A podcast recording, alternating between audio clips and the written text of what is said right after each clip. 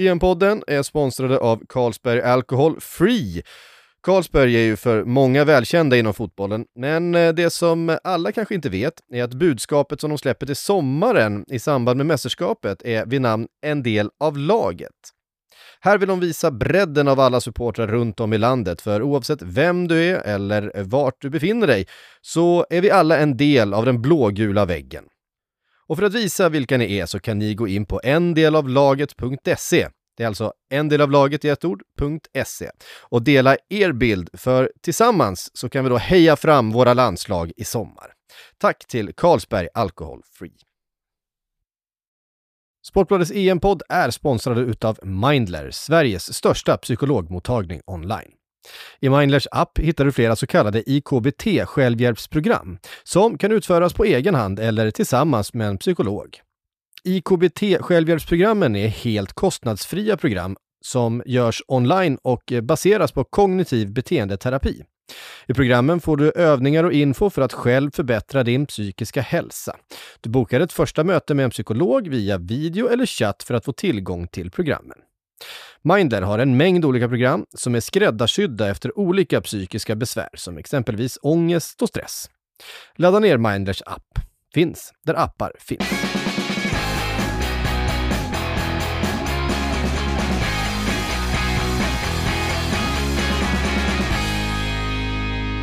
Hjärtligt välkomna säger vi då till Sportbladets EM-podd. Eh, välkomna säger vi till alla lyssnare men även till några tittare. Det här är en av de inspelningarna som faktiskt går ut som TVOD som det heter.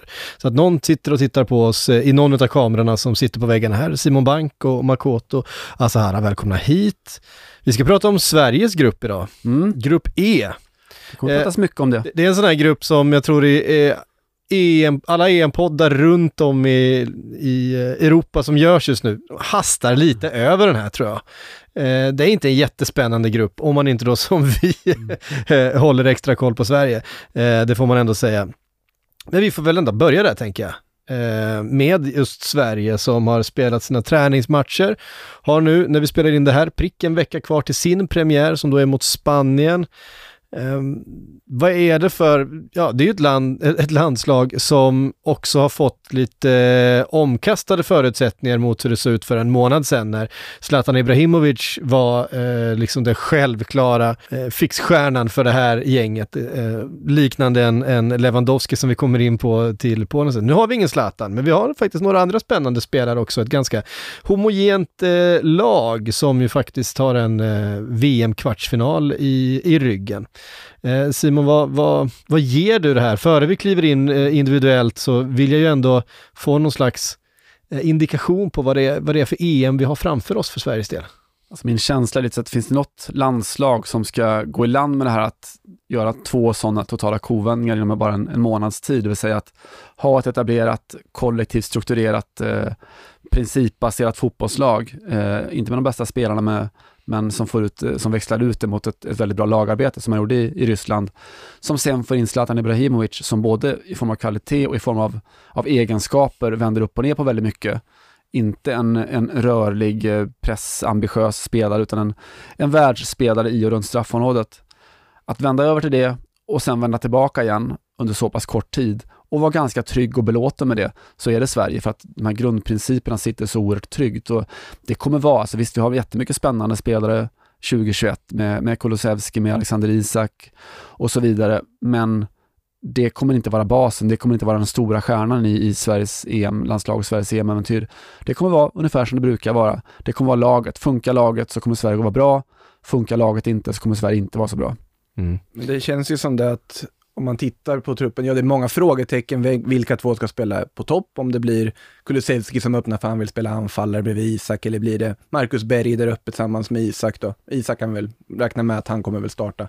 Vilka ska formera mittfältet? Det finns så många, otroligt många alternativ, det är ganska behagligt problem som Jan Andersson har där och formera det inne mitt fält samt yttermittfältet. Vem ska spela mittback bredvid Victor Nilsson Lindelöf? Alla de frågorna. Men samtidigt så vet vi att vi kommer ju få ungefär samma Sverige oavsett vilka namn som väljs där. Och att det är just som du säger kollektivet som är det viktiga och det som kan ta Sverige någonstans i det här mästerskapet.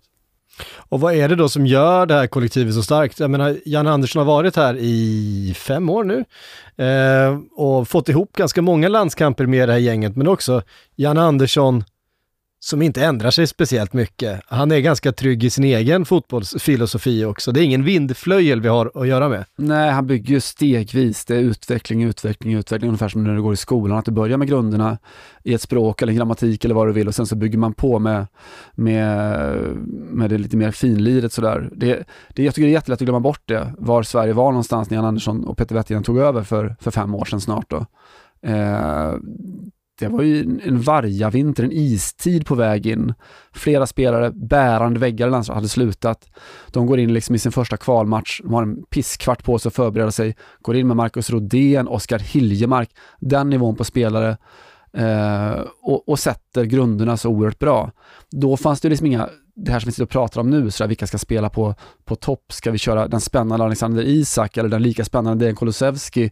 Ska vi köra Robin Quaison som var en, en dundertalang alldeles nyss, eh, som fortfarande är ung.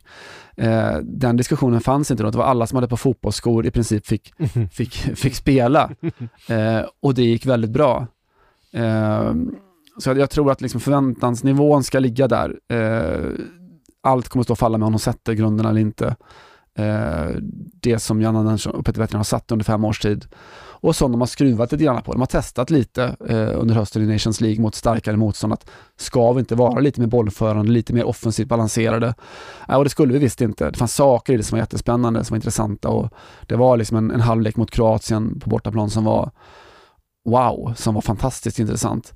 Men det kostade också, det fanns en prislapp för det som man kanske inte är beredd att, att betala eh, i ett EM. Så finns de grunderna, det tror jag att det gör, kan man sen lägga till att Alexander Isak 21 gör det som Zlatan Ibrahimovic nästan 21 gjorde 2004. Eh, explodera, ta nästa steg, visa att men jag är en Barcelona-spelare, en Real Madrid-spelare och kan göra det under ett par veckor eh, under sommarlovet. Då, då har vi ett riktigt bra Sverige. Mm.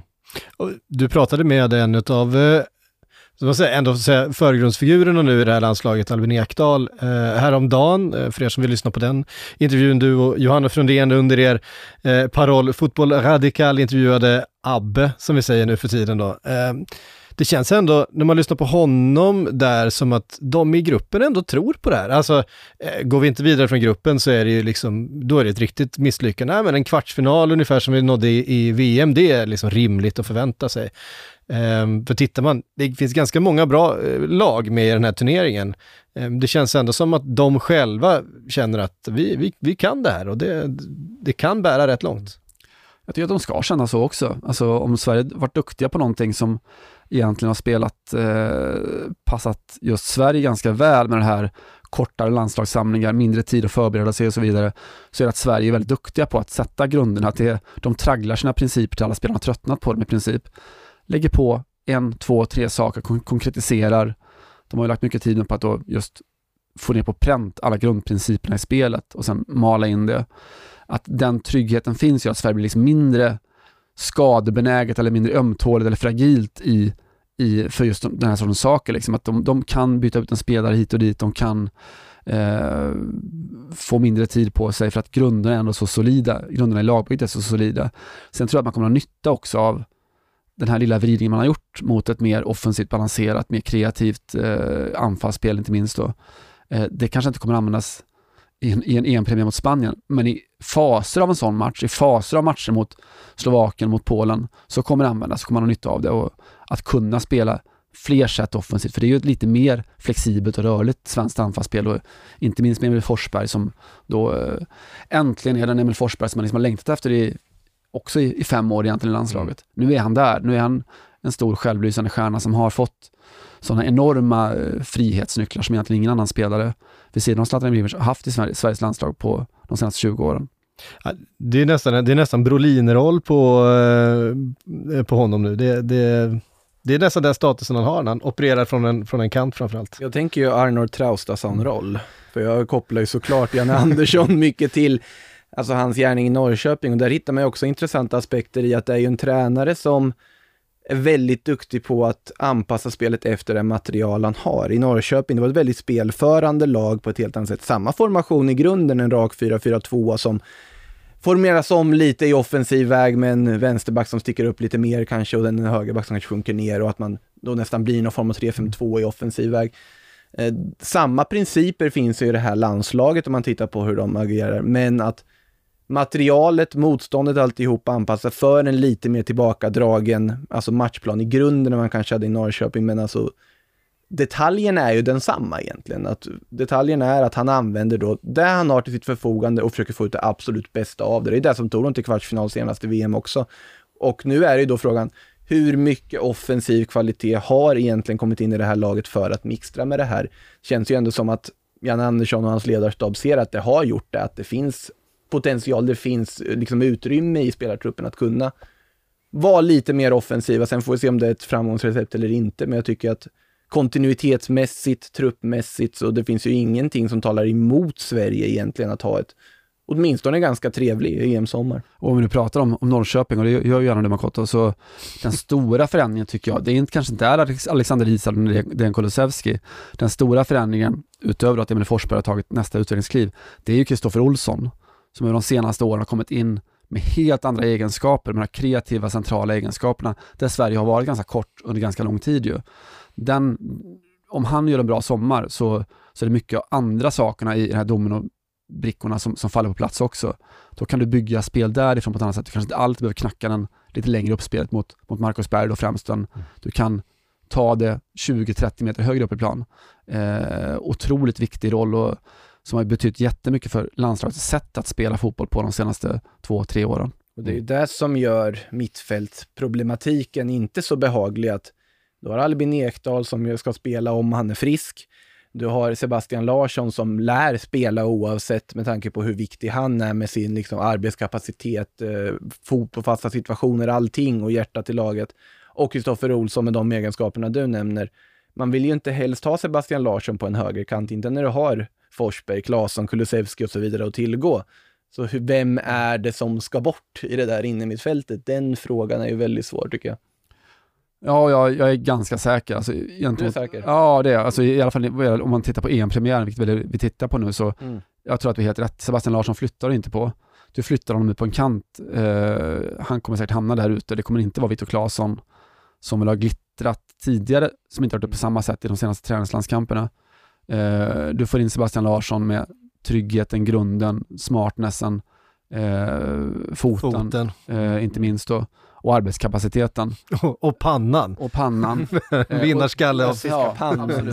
och särskilt då med tanke på att du har Emil Forsberg som har så oerhört fria tyglar ja. som ingen annan kommer ha. Det kommer vara två stycken sittande in i mittfältare. Det kommer vara Kristoffer Olsson och Albin Ekdal. Eh, Albin Ekdal som ju såg väldigt bra ut nu i, i, i träningslandskampen här, här mot Armenien senast. Det såg ut som den gamla Albin då, som, är, som är frisk och, och stark och fysisk och vinner närkamper och så igen jag tror att det är så, så det kommer att se ut mot Spanien. Allt annat skulle förvåna mig väldigt mycket. Försvaret då? Jag har, ett, jag har ett skräckscenario här, Adama Traoré rättvänd mot, mm. eh, mot den svenska backlinjen. Du, du, är den enda som tycker det är kul att Adama Traoré är Jag äl, älskar att, äh, ja, du, du, du, ska, du ska få prata Spanien strax, du ska få, du ska, du ska få eh, eh, offloada ditt, eh, dina Spanien-tankar och känslor. Vi, vi, tar det sen. Ja, absolut. Men ja, alltså försvaret, det enda frågetecknet där om man tittar på truppen, måste väl vara vem som spelar bredvid Victor Nilsson Lindelöf.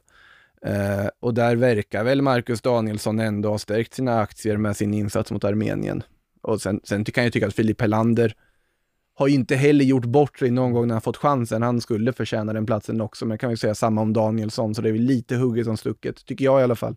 Mm. Och i en match som mot Spanien, där fasta kommer vara så oerhört viktiga, så Marcus Danielsson var det tre mål på, på nio landskamper. Eh, på fasta, det är klart att det, det väger också tungt. Han fick 90 minuter mot, mot Armenien, det fick han såklart för att tanken är att han ska starta med, med Nilsson Lindelöf eh, mot Spanien. Så det, det tror jag. Frågetecknet är väl Augustinsson, var, var befinner han sig i sin rehab? Hur, Uh, han ska nu vara helt, helt i ordning. Hur tungt väger det då? Att han, Men är han i ordning för att spela mot, 90 minuter mot Spanien i ett EM, en EM-premiär? Det är frågan och det kommer kanske viktigare matcher sen för Sverige. Uh, så, och Pierre Bengtsson just oerhört sällan dåliga landskamper. Så det, det där är väl lite smaksak och det kommer säkert träningarna eh, fälla avgörandet. Ser Augustinsson fantastisk ut och har orken och det är ju ingen otränad eh, grabb till att börja med. Så att funkar det så är det hans plats att förlora ändå någonstans.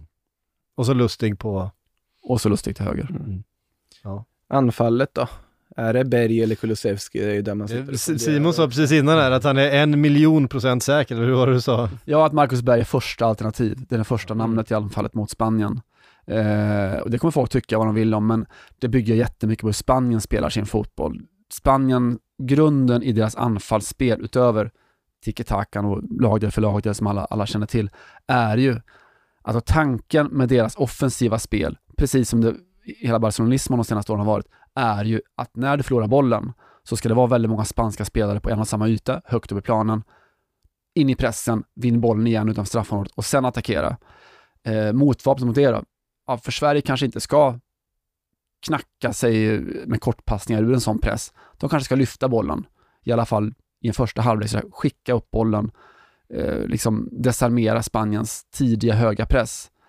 Och om man gör det, om man tänker att det är matchbilden, och det är jag rätt säker på att det kommer vara så, då finns det en spelare som är överlägsen i det spelet i det svenska landslaget och det är Marcus Berg på att inte vinna alla bollar, men i alla fall låsa dem. 50-50, en armbåge här, ett bröst där, en nick där. eh, En vunnen bollen. frispark. En vunnen frispark, eh, hela det paketet. Så det tror jag är, det kommer fälla avgörandet i, i den matchen, så jag är helt övertygad om att Marcus Berg eh, startar och gör det som en absolut nyckel för hur Sverige ska komma ur Spaniens press och kunna ställa om. För det är så som Sverige tänker sk- skaffa sina, sina möjligheter mot Spanien, det är jag rätt säker på. Mm. Om vi tittar lite utanför den startelvan då som vi, som vi väl har ritat upp nu för, eh, för lyssnarna och tittarna. Eh, vad har vi för jokrar där runt omkring? Jag menar ett mästerskap avgörs ju ganska ofta av att någon kommer lite från en vänsterkant och växlar upp. Jag menar, jag menar igen då, så här, Brolin 94, vi har haft några sådana exempel. Var, var hittar vi de eh, elementen i det här?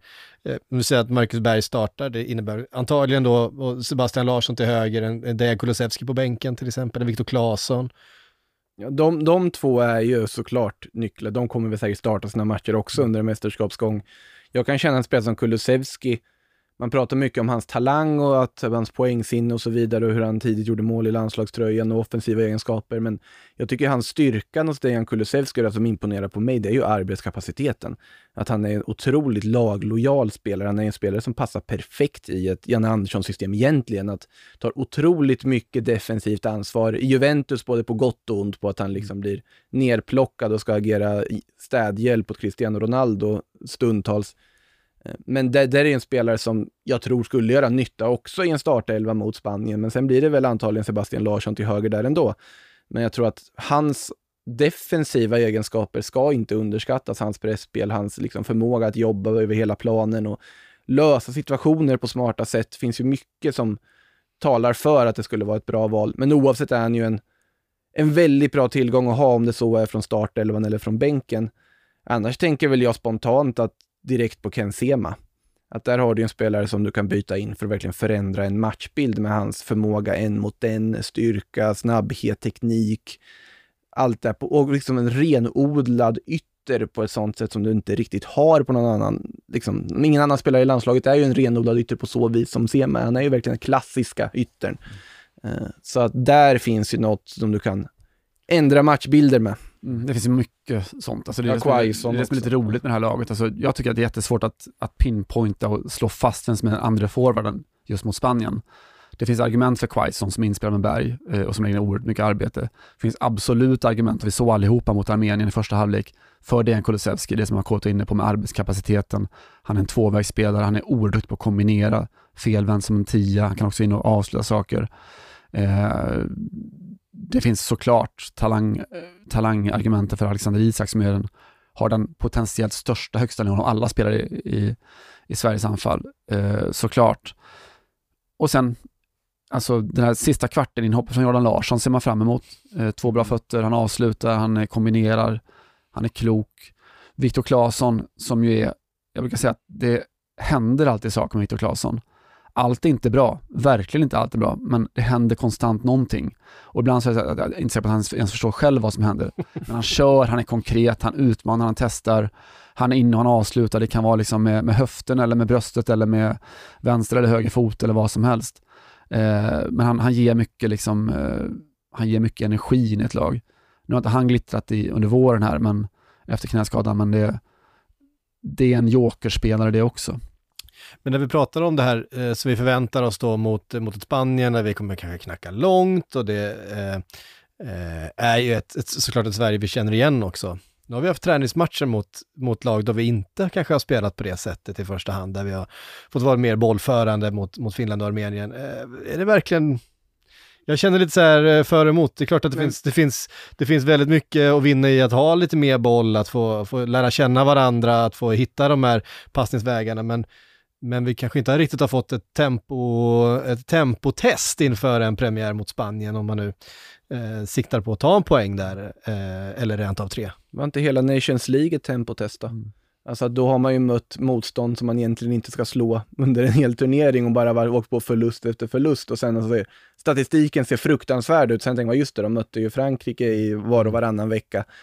Där vet man ju, man har ju ett recept för att hantera den typen av matcher. Då är det ju snarare att man ska fokusera på att det är ju Polen-Slovakien-matchen, att man verkligen ska kunna visa och styra sådana matcher. Framförallt mot Slovakien som är betydligt mycket sämre, tycker jag, på pappret än de tre övriga lagen i den här gruppen. Mm. Att man kan hantera den typen av motstånd, luckra upp. Det som Sverige alltid haft problem med. Om det så är en bortamatch i Baku mot Azerbajdzjan vid liksom millennieskiftet, så hade ju Sverige alltid problem att göra saker mot sämre motstånd. Färöarna borta var det väl någon match också därför. I något kval något år, det finns ju många exempel som helst. Men det är ju det att kunna dominera matcher som man förväntas dominera. Det här med att inte dominera matchbilder och ändå göra bra insatser och bra resultat, det kan Sverige. Då är det snarare att finslipa på när du möter sämre motstånd. Och ur den aspekten är det logiskt att man matchar mot lag som Finland och Armenien, tycker jag. Mm. Nej, men Sverige har ju haft, det har ju varit styrkan under Jan Anderssons epok, att de har haft, alltså under Hamrén kunde det vara så att det var 6-0 mot San Marino, jag höftar här nu, eh, var liksom inga problem, men det kanske blev svårare när de mötte Holland borta. Eh, under Jan, Jan Andersson så har ju båda bitarna funkat. Du kan utmana Frankrike, du kan utmana många av de stora nationerna, men du kör också över Malta eh, eller så. Eh, så att de har varit väldigt duktiga på att utifrån sådana grundprinciper göra små förändringar som gör att match, matchplanen, matchidéerna blir, blir helt olika balanserade. Eh, jag tror att här handlar också om att någonstans bygga lite självförtroende, det som du är inne på att det kanske var lite tufft också att spela Nations League, att eh, testa vad man gick för att se att ah, det, jo, vi spelar fantastisk fotboll i perioder, men vi, vi läckte mål som om det inte fanns en morgondag. Nu har man liksom hållit nollan eh, i princip hela året här, eh, undantaget av det här Armenien-målet på slutet. Eh, spelet har funkat under stora perioder mot Finland och Armenien. Jag tror att man kommer till, till EM och känner att vi är ett ganska bra lag och det ska man inte heller underskatta. Eh, då lämnar vi Sverige där, tänker jag. För det finns tre lag kvar i den här gruppen som vi ska prata om, nämligen de tre motståndarna som Sverige ställs emot de här närmsta veckorna. Vi tar oss till Slovakien och så sparar vi då eh, din, eh, din, för, ditt förväntade... stora förväntningar på den här ranten. Ja, ja, vi har sett fram emot den här länge nu. Men jag har ju smugit in det i varenda podd vi har gjort, och liksom lite subtilt bara varit irriterad på den här uttagningen, men jag får väl dra hela det. Eh, det, det, det grundar sig alltså i att det är noll Real Madrid. Nej, det grundar, spelare. I... Nej, viktig poäng att det grundar sig att det är nio La Liga-spelare. Ja. Det är vad det grundar sig eh, men Vi tar oss till Slovakien nu. Ett, eh, ja, ett, ett inte speciellt namnkunnigt Slovakien tog sig dit via eh, då Nations League. Eh, ja, vad man tittar man, det är ju såklart Martin Skriniar i försvaret, Dubravka i mål, eh, en namn som, som, som sticker ut. Vad, vad kan vi förvänta oss utav, utav Slovakien egentligen? Nej, men alltså, tittar man på deras senaste mästerskap så de har ju det som krävs för att manövrera sig förbi gruppspel i alla fall. Så, så, så illa är det ju inte. Nu är, de är också inne i någon slags lite generationsväxling ju. Eh, Skretell har slutat, Hamsik kanske inte ses fullt ut som en startspelare längre och så, men att det finns grundkompetens. De är ju som ett, inte helt olikt Sveriges att spela heller. Det, det är mycket liksom få chanser, eh, krav på stor effektivitet, gärna vara snabba hem och vara snabba fram. Eh, inte okänsliga för att slå den långa bollen om, om det krävs. Eh, och sen flera spelare som har gjort det bra i, i Italien, som har gjort det, gör, gör bra i Serie A, som är, som är bofasta där. Och, eh, så att det finns kvaliteter, det, det, det gör det absolut. Det är liksom inget, det är inget sopgäng som Sverige ställs emot. Eh, och det är ett lag med, med viss, viss erfarenhet också från stora mästerskap. Vem väljer ni först som högerback om ni fick välja Thomas Hubbokan eller eh, Mikael Lustig? Ja, det... Hubokan är väl vänster kanske va? Ja, men Karik så... i sånt fall då. Det är ungefär mm. samma sak. Men... Ja, och det är från, det är från vad, vad vi har Mikael Lustig 20, 2021, eh, mer än någonting annat. Det är väl ungefär på Thomas ja. Hubokan-nivå ja. kan man väl tänka ja. sig. Det är, ju, det är ju veteraner blandat med lite yngre förmågor, men Alltså när jag tittar på pappret, ja Milan Skriniar sticker ju Mm. ut Mm. i det här laget såklart och han kommer ju bära ett enormt tungt lass som mittlås. Sa jag Martin Skriniar innan? Jag, jag Det sa du, men jag lät... Det Jag, det lät, var Martin Skertel i, i, i mitt huvud. jag förstår Eh, varför, du gillar Martin Skertel, så det, det är inget konstigt, men jag lät det vara där. Annars så, så truppmässigt, jag tycker det är det svagaste laget på pappret i, i gruppen utan tvekan. Jag har väldigt svårt att se att de faktiskt ska kunna ens nå en tredje plats i den här gruppen. Då ska det till att något av de tre andra lagen floppar, helt enkelt. Vilket ju finns chans att de gör också. Spanien har gjort det. Spanien kan göra det. Polen kan mycket väl Ja. göra det också. Sverige, kan, ja, Sverige, Sverige är nog det lag jag minst ser en flopp hos den här gruppen, det måste jag ändå säga. Eh, bara det är ju ett styrkebesked i sig. Men Slovakien annars, ja, Marek är där, men han är väl lite skadad och inte liksom, det är inte samma Marek Hamsik. Det, det har vi ju pratat om ganska länge när vi har bevakat den allsvenska våren här också. Och truppen i sig, vem ska göra målen? Det är också en fråga. Bozenic Mm. känns inte riktigt som den kanske mest spännande anfallaren att tillgå direkt. Doris, samma sak. Jag har svårt att gå igång på det här laget när jag tittar på det, så kan vi säga i alla fall. Det är inte så jättespännande. Det är väl skönt att Dubravka fick lite matcher här innan mästerskapet i alla fall och har någon form av form och inte bara suttit och beskådat Darlow från bänken i Newcastle liksom en, en hel Och säsong. Dubravka som ju kan göra tokmatcher också. Ja, Han Eh, kan, och- spi, han kan spika igen Han kan spika igen, den. eh, Ja, det, utan tvekan. Så han blir också viktig. Ja. Ehm, ja, men det är ju ändå att Slovakien slog Ryssland här i VM-kval eh, tidigare i våras. Det är, inte snut, det är inte snutet i näsan heller. Nej, jag har för mig att de har också kört över Tyskland också någon gång. eh, Har inte alla lag kört över Lööfs Tyskland Eh. de senaste åren. Så nej, det, det, det ska inte räknas bort. Jag tror att en nyckel för Sverige blir att, att styra bort skrivningar, framförallt liksom uppspelsfasen sådär, för att resten av backlinjen har inte alls samma liksom, bollförande kapacitet som, som skrivningar har. Nej, precis. Ja, där har ni det. Vi eh, ska fortsätta med Spanien och Portugal, men först några ord ifrån... Portugal också? Polen hoppas jag att vi ska fortsätta med. Herregud. Jag vet att du vill till dödens grupp. Så. Jag vill till Dödens grupp. Ja, det, blir, det är nästa avsnitt, det kommer om ett par dagar. Men Polen och Spanien ska vi prata om eh, alldeles strax. Först några ord då från våra sponsorer. Sportbladets EM-podd är såklart sponsrad utav Unibet och för att eh, ta hand om det här med eh, de riktigt fräna spelen så har vi med Steven Lee Holmdahl från Sportbladet Spel ska jag säga. Välkommen Steven Lee. Tack och bock. Eh, vad har du då hittat för mustiga spel åt oss den här veckan? Och ja, det, alltså, det var nästan så att det skulle ta slut på spel här. Jag får, fått gräva på djupet. Men eh, vi kan väl börja då. I Sveriges eh, premiär mot Spanien så har jag lyft fram en wingcast-variant där jag spelar att Pau Torres gör mål för Spanien och att matchen slutar oavgjort och vi får 51 Mhm. gånger pengarna. Oj! Eh, Det är väl lite sådär att eh, jag tycker att Spanien är lite överskattat. Man vet inte riktigt var de, var de står någonstans. Eh, Sverige har, jag tror de har ganska bra möjligheter att överraska, men de kan få svårt att stå emot Pau Torres på fasta situationer. Ruggigt stark på huvudet. Mm. eh, Ett kryss där tar vi gärna. Har du något mer? Eh, då hoppar vi över till, vi kör ett litet specialspel i Ungern mot Portugal.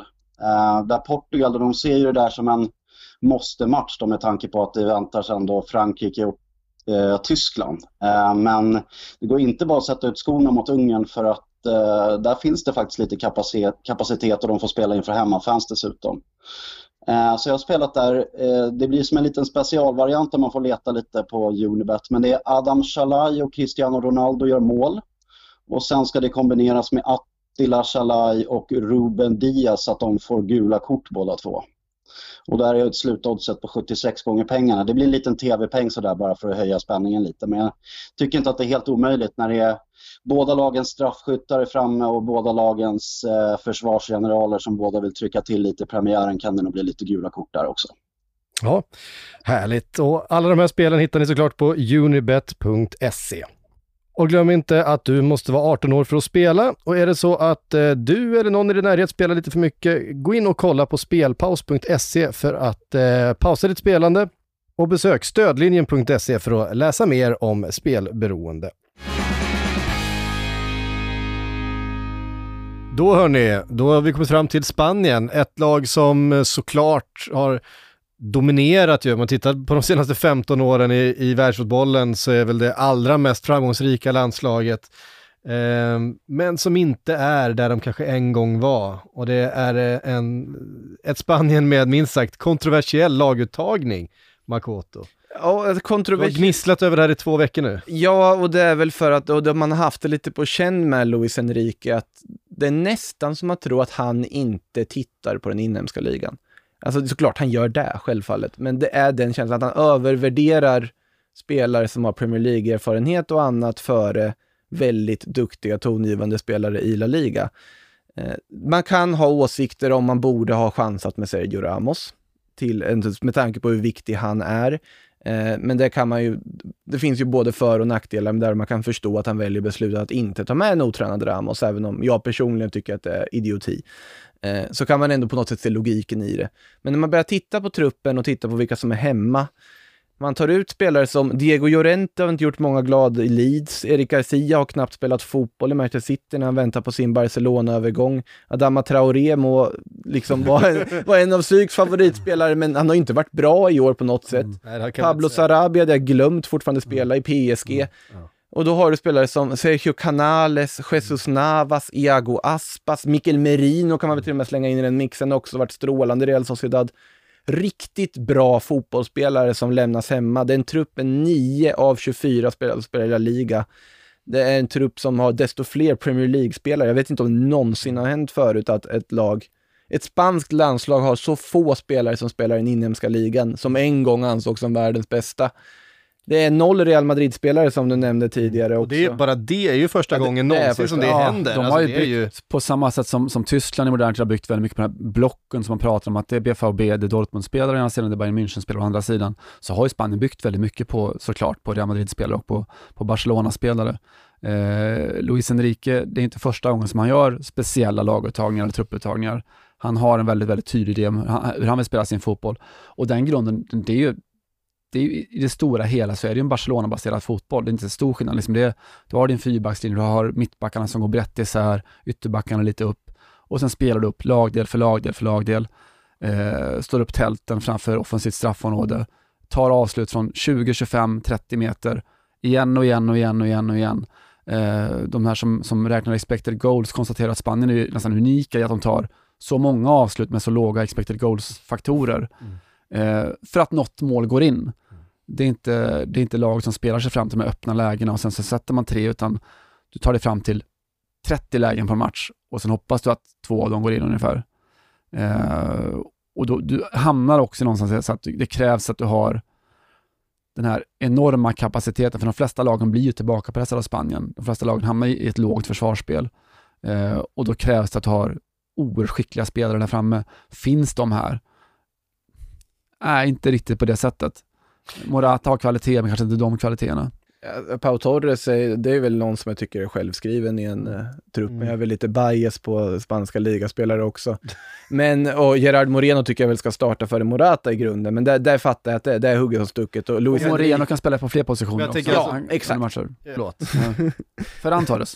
Ferran Torres. Mm. Ferran Torres. Ja, just det, Ferran ja. Det är, det är ju egentligen nyckeln i det här laget skulle jag säga. Ferran Torres har ju, alltså sättet han har tagit sig an City-utmaningen har ju varit otroligt imponerande verkligen, men då Efter en tuff säsong också. Det var ju sådär superbra, inte alls bra och sen har han fått jättemycket beröm för att just, som du säger, hur han har tagit sig an det och kommit tillbaka på något Ja. vis.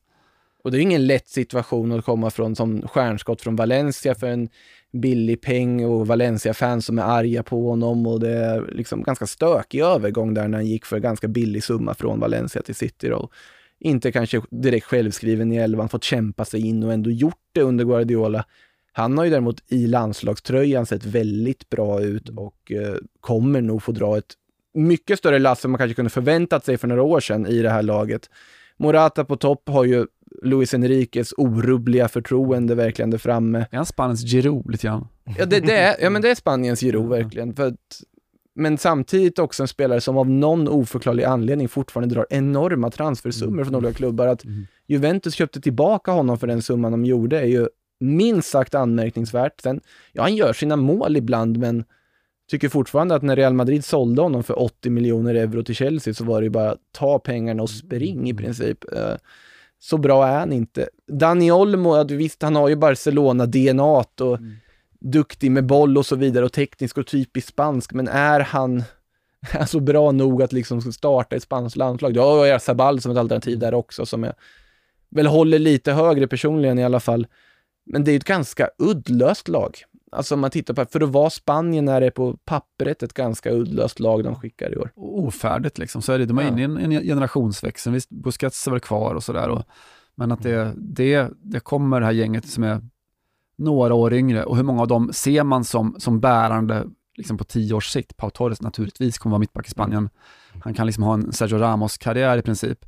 Eh, men av de andra, inte jättemånga tycker jag, som man ser så här helt självklara, som man gjorde när hela Barcelona och Real Madrid-generationen slog igenom. Man såg att här har vi laget, de kommer spela i VM eh, 2010, de kommer förmodligen spela i VM 2018 också. Jag tycker inte att det är likadant med Spanien nu. De är inte helt färdiga än som, som fotbollslag. Sen alltså att högsta nivån kommer finnas och att de kommer kunna göra fantastiska matcher och att de kan slå Sverige med 5-0 om, om, om vinden ligger rätt. Självklart, men jag tycker inte att de är en av de stora favoriterna och, och, och springa hem med en EM-pokal. Jag har svårt att se. Men där är väl ett problem också att de som förväntades ta över och vara bärande idag inte har lyft. Mm. Jag tänker då kanske specifikt på Isco, Marco Asensio, två spelare som man tänkte att de här kommer att bära det spanska landslaget. De har ju totalt stagnerat i utveckling. Det är ju helt självfallet varför de inte är med i en trupp. Och det är ju ett problem att då har du, ja, han fått titta på åt andra håll för att du inte har liksom fått den utveckling du vill på de spelare som förväntades bära laget. Sen kan man ändå ställa sig frågan till vissa spelare varför de får återigen en chans. Typ Pablo Sarabia i en trupp kan jag inte förstå överhuvudtaget. Ja, Pablo Sarabia har man ju undrat lite grann vad, vad han egentligen är bra Alltså på. han, han, är en bra, han är en bra ytter, han är en bra mittfältare, han kan göra sin gubbe, han kan slå en passning och ha en okej poängfot, men det borde inte räcka. Det borde inte räcka för att ta en, plats i en trupp med tanke på de andra alternativ som finns tillgängliga på hemmaplan då, tänker jag. Eh, det är också ett Spanien som har drabbats av lite sjukdom. Mm. Hur, eh, det är Sergio Busquets som har konstaterats eh, coronapositiv. Eh, Jag vet inte hur sjuk han är, men eh, bara att han har testat positivt. Vad, eh, vad betyder det för deras uppladdning och hur, hur kommer, vad kommer det få betydelse inför eh, premiären mot Sverige, tror ni? De skickar ju U21-truppen till att möta Litauen här nu. Blir det inget nödlandslag som man som La Liga-vurmare hoppades lite på att det skulle bli en repris på norska nödlandslaget när de kallade in folk. Att nu kommer grabbarna som man ville se. Nu kommer Jesus och Navas och Aspas och alla på ett flyg här och, och ska visa det riktiga Spanien höll jag på att säga. Men det blir ju U21-grabbarna istället där med yngre förmågor som sannolikt inte hade varit aktuella för en A-trupp. Fortfarande bra, bra spelare där med spelare som Cucurella, Beltran och, och så vidare som, som är med i den truppen. Men eh, Ja, det beror ju helt på vad det får för effekt, för det har ju med liksom isolering och så vidare. Sergio Busquets kan man väl nästan räkna bort från en premiär om inte han testar negativt snabbare. Det är ju mycket olika bud åt olika håll där just nu. Och det är ju skillnaden mellan Italien och Spanien, att Italien mår ju bara bra av att ha en kris tätt mot mästerskap. Spanien bevisligen under VM senast mår inte så himla bra av det. Då kan det krascha. Det här är ju det Spanien som du och jag Simon kommer ihåg från typ så här 90-talet. Mm. Och det är alltid så här superspännande ut, fullt med stjärnor och så händer någonting och så bara faller det så fort det kommer ett mästerskap. Raúl-Spanien, ja. Ehm, ja, men lite flyt så kanske vi är där nu då när de eh, möter Sverige i Men de, gruppspelet. de har för lite stjärnor idag för att det ska bli ett Raúl-Spanien. Där var ju problemet att du hade superbra lag, men de kunde inte samsas. Ja. Sen kom Luis Aragonés bland annat där och då lyckades ju han med något som ingen annan lyckades. Det var att ena de här två blocken, Barcelona och Madrid-blocken, att ena dem till att faktiskt jobba som ett lag tillsammans. Det var ju därför du fick framgången. Du fick spelarna att köpa den idén och liksom bygga allting på det här framgångsrika Barcelona-konceptet. Att när Barcelona var som bäst, då var ju nästan Spanien som bäst också, för att det var hela den grunden med Xavi, Iniesta, Busquets och så vidare. Allt funkade. Nu har man inte samma trupp. Så enkelt är det och jag nu har man, blir man ju för sig inte av med förbundskaptenen i sista sekund för att han kommer ju inte gå till Real Madrid där. Det var ju problemet med Lopet, Lopetegui senast där när Hierro kom in som brandsläckare och det vart ju bara ett fullkomligt haveri. Eh, nu kan det bli ett haveri på ett annat sätt. Jag har ändå den farhågan eller känslan för det här Spanien. Eller så blir det en supersuccé. Det, man vet ju inte. Jag tycker det är talande för liksom, var de befinner sig ta- talangmässigt. Många som är spännande och intressanta och sådär, men be mig plocka tre nyckelspelare så kommer jag ändå landa i kanske att det, det kanske är Busquets, det kanske är Koke, det kanske är Morata trots allt. Eh, och det är inget du ja, man gör löpsedlar på, som vi säger i vår bransch. Eh, men det är ändå liksom en, en stadga och en stabilitet. Och sen vet jag vet faktiskt inte heller säkert vem som står i mål i Spanien. Jag är inte helt, Nej, det där är ju oklart faktiskt. Alltså bara att det diskuterat att Robert Sanchez ska in och ta Ja, första, nej, det, det det säger inte- väl allt om hans La Liga-förakt om Unai Simon inte får stå. Eh, måste ju nämna Pedri mm. också, Ja, känner jag. Där har du ju Steg, ja. den stora jokern, den som, alltså hans första säsong i Barcelona är ju anmärkningsvärd på alla sätt och vis. Man hoppas att han får gå in och visa vad han kan på EM-scenen också, det tror jag han kan Från göra. match två framåt. Ja. Mm. Ja, match två framåt spelare känns det Ja. ju som verkligen. Så Mm. Sverige slipper honom. Ja. Ehm, bara 18 år gammal. Nej, det är sanslöst bra. Det är fräckt faktiskt. Ja, men det är Spanien som vi inte riktigt vet vart det har. Så Eh, känns det väldigt mycket. Ja. Eh, Vet vi vart vi har eh, Polen? Nej, det vet vi inte heller fullt och det känns som att Såsa inte vet det fullt ut heller. De har ju så här mixtrat om lite, att det är ett högkvalitativt fotbollslag. Och jag, jag är så oerhört präglad av, alltså jag har sett, sett Polen köra över Tyskland i Warszawa i, i kvalmatcher och sådär den känslan, den friheten, den farten som fanns där då, det var liksom när Milik var som, som bäst och fortfarande fanns fortfarande en sorts hopp om Milik före Marseille och allt. Eh, Lewandowski var bäst i världen och, och så är väl typ fortfarande bäst i världen. är väl kanske fortfarande bäst i världen, världens bästa nia. Så eh, jag är präglad av den bilden av Polen fortfarande eh, och de har gjort det väldigt bra mot bra motstånd, både i träningsmatcher och i, och i Nations League. Så att, att det finns hög kvalitet, men det, du kommer liksom inte runt att det finns fyra stavelser som kommer prägla hela dessa EM och det är Lewandowski. Eh, det, han är så central i deras spel. De är ju också väldigt snabba fram. De söker, har du möjlighet att sätta Lewandowski så gör du det. Eh, så det kommer bli mycket liksom, mycket upp i rygg för eh, Victor Nilsson Lindelöf eh, och Marcus Danielsson i, i den matchen. Det har ju varit vissa skadebekymmer för dem i uppladdningen också. Just Milik liksom, som nämnt har ju haft skadeproblem. Verkar som att han inte behöver opereras som jag har förstått det i alla fall.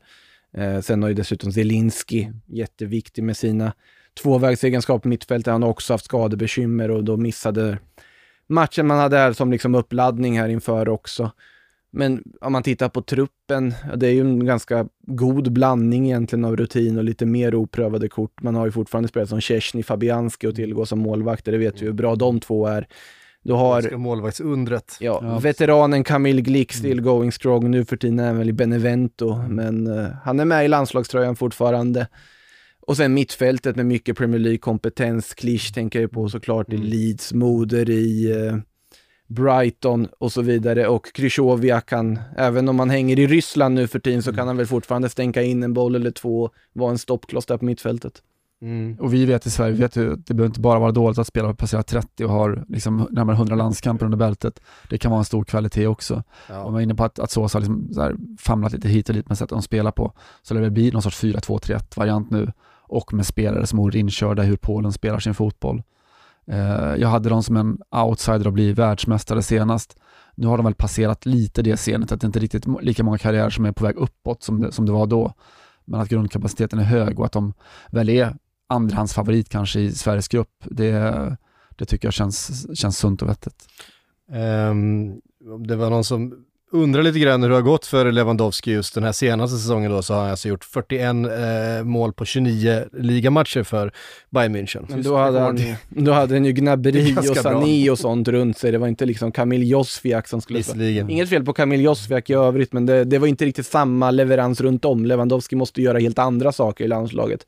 Det är ju lite som Zlatan i sin prime som behövde ta helt andra ansvar i landslagströjan än man gör i klubblaget. Lewandowski sitter ju i samma sits där. Eh, Det är väl snarare i och för sig en trebacks. Mm. Man kan tänka sig också på Sosa som har experimenterat med sånt. Det finns ju en väldigt stor osäkerhet i Mm.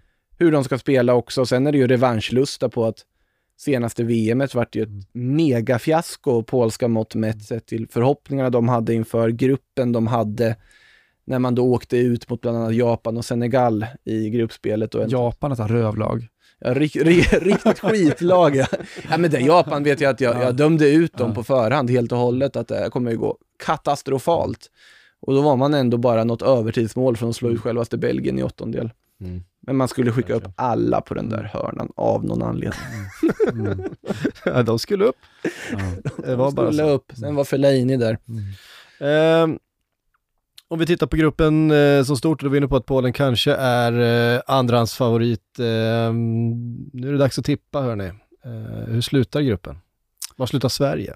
Räcker en tredje plats? Ja, det gör det. Eh, jag tror att det, det, som det ser ut så kan det till och med räcka med att slå Slovakien. Där kommer Sverige gå in som favorit egentligen oavsett hur det går i, eh, innan dess. Eh, så det tror jag. Andra plats eller tredje plats är väl, är väl favorittipset, känns det som. Eh, Spanien, trots alla de här invändningar vi haft, går såklart in som, som stor favorit till, till gruppsegern. Men jag kan absolut se framför mig att Sverige löser ett resultat i första matchen i Sevilla. Det är inte alls otänkbart att man gör det mot ett Spanien som håller på och känner sig, inte, inte hittat fullt rätt, som kommer ha 82 procents bollinnehav men kanske inte lika många klara avslut. Eh, och då, ja, då har man fått en väldigt bra start på EM. Så Spanien etta, måste jag säga vilka som blir två. Polen eller Sverige två och Slovakien mm. sist, så säger jag. Mm. Ja, jag får... okay. Tack. Nu kommer det ju låta som att jag bara går emot allt jag sagt när jag sätter Spanien som etta också naturligtvis, men det är svårt att göra annat på förhand. Det är fortfarande bra spelare, men det kunde varit bättre, det kunde varit roligare. Eh, Spanien, Sverige, tvåa säger jag, Polen, Slovakien i den ordningen. Mm. Ja, det ska bli oerhört eh, spännande att följa såklart. Det här är ju gruppen vi följer eh, närmast av dem alla. Eh, tusen tack eh, Simon Bank och Makoto Asara för att ni kom hit idag och pratade grupp E. Grupp F kommer snart och eh, kommer, missa inte heller att lyssna på eh, Simon och Johannas intervju med Albin Abbe Ekdal. Vi, får ju cementera Abbe nu. Det ska ju, in va? Ja, Abbe ska in. Mm. När ni har lyssnat på detta. Eh, från eh, Sportbladets e-podd säger vi på återhörande.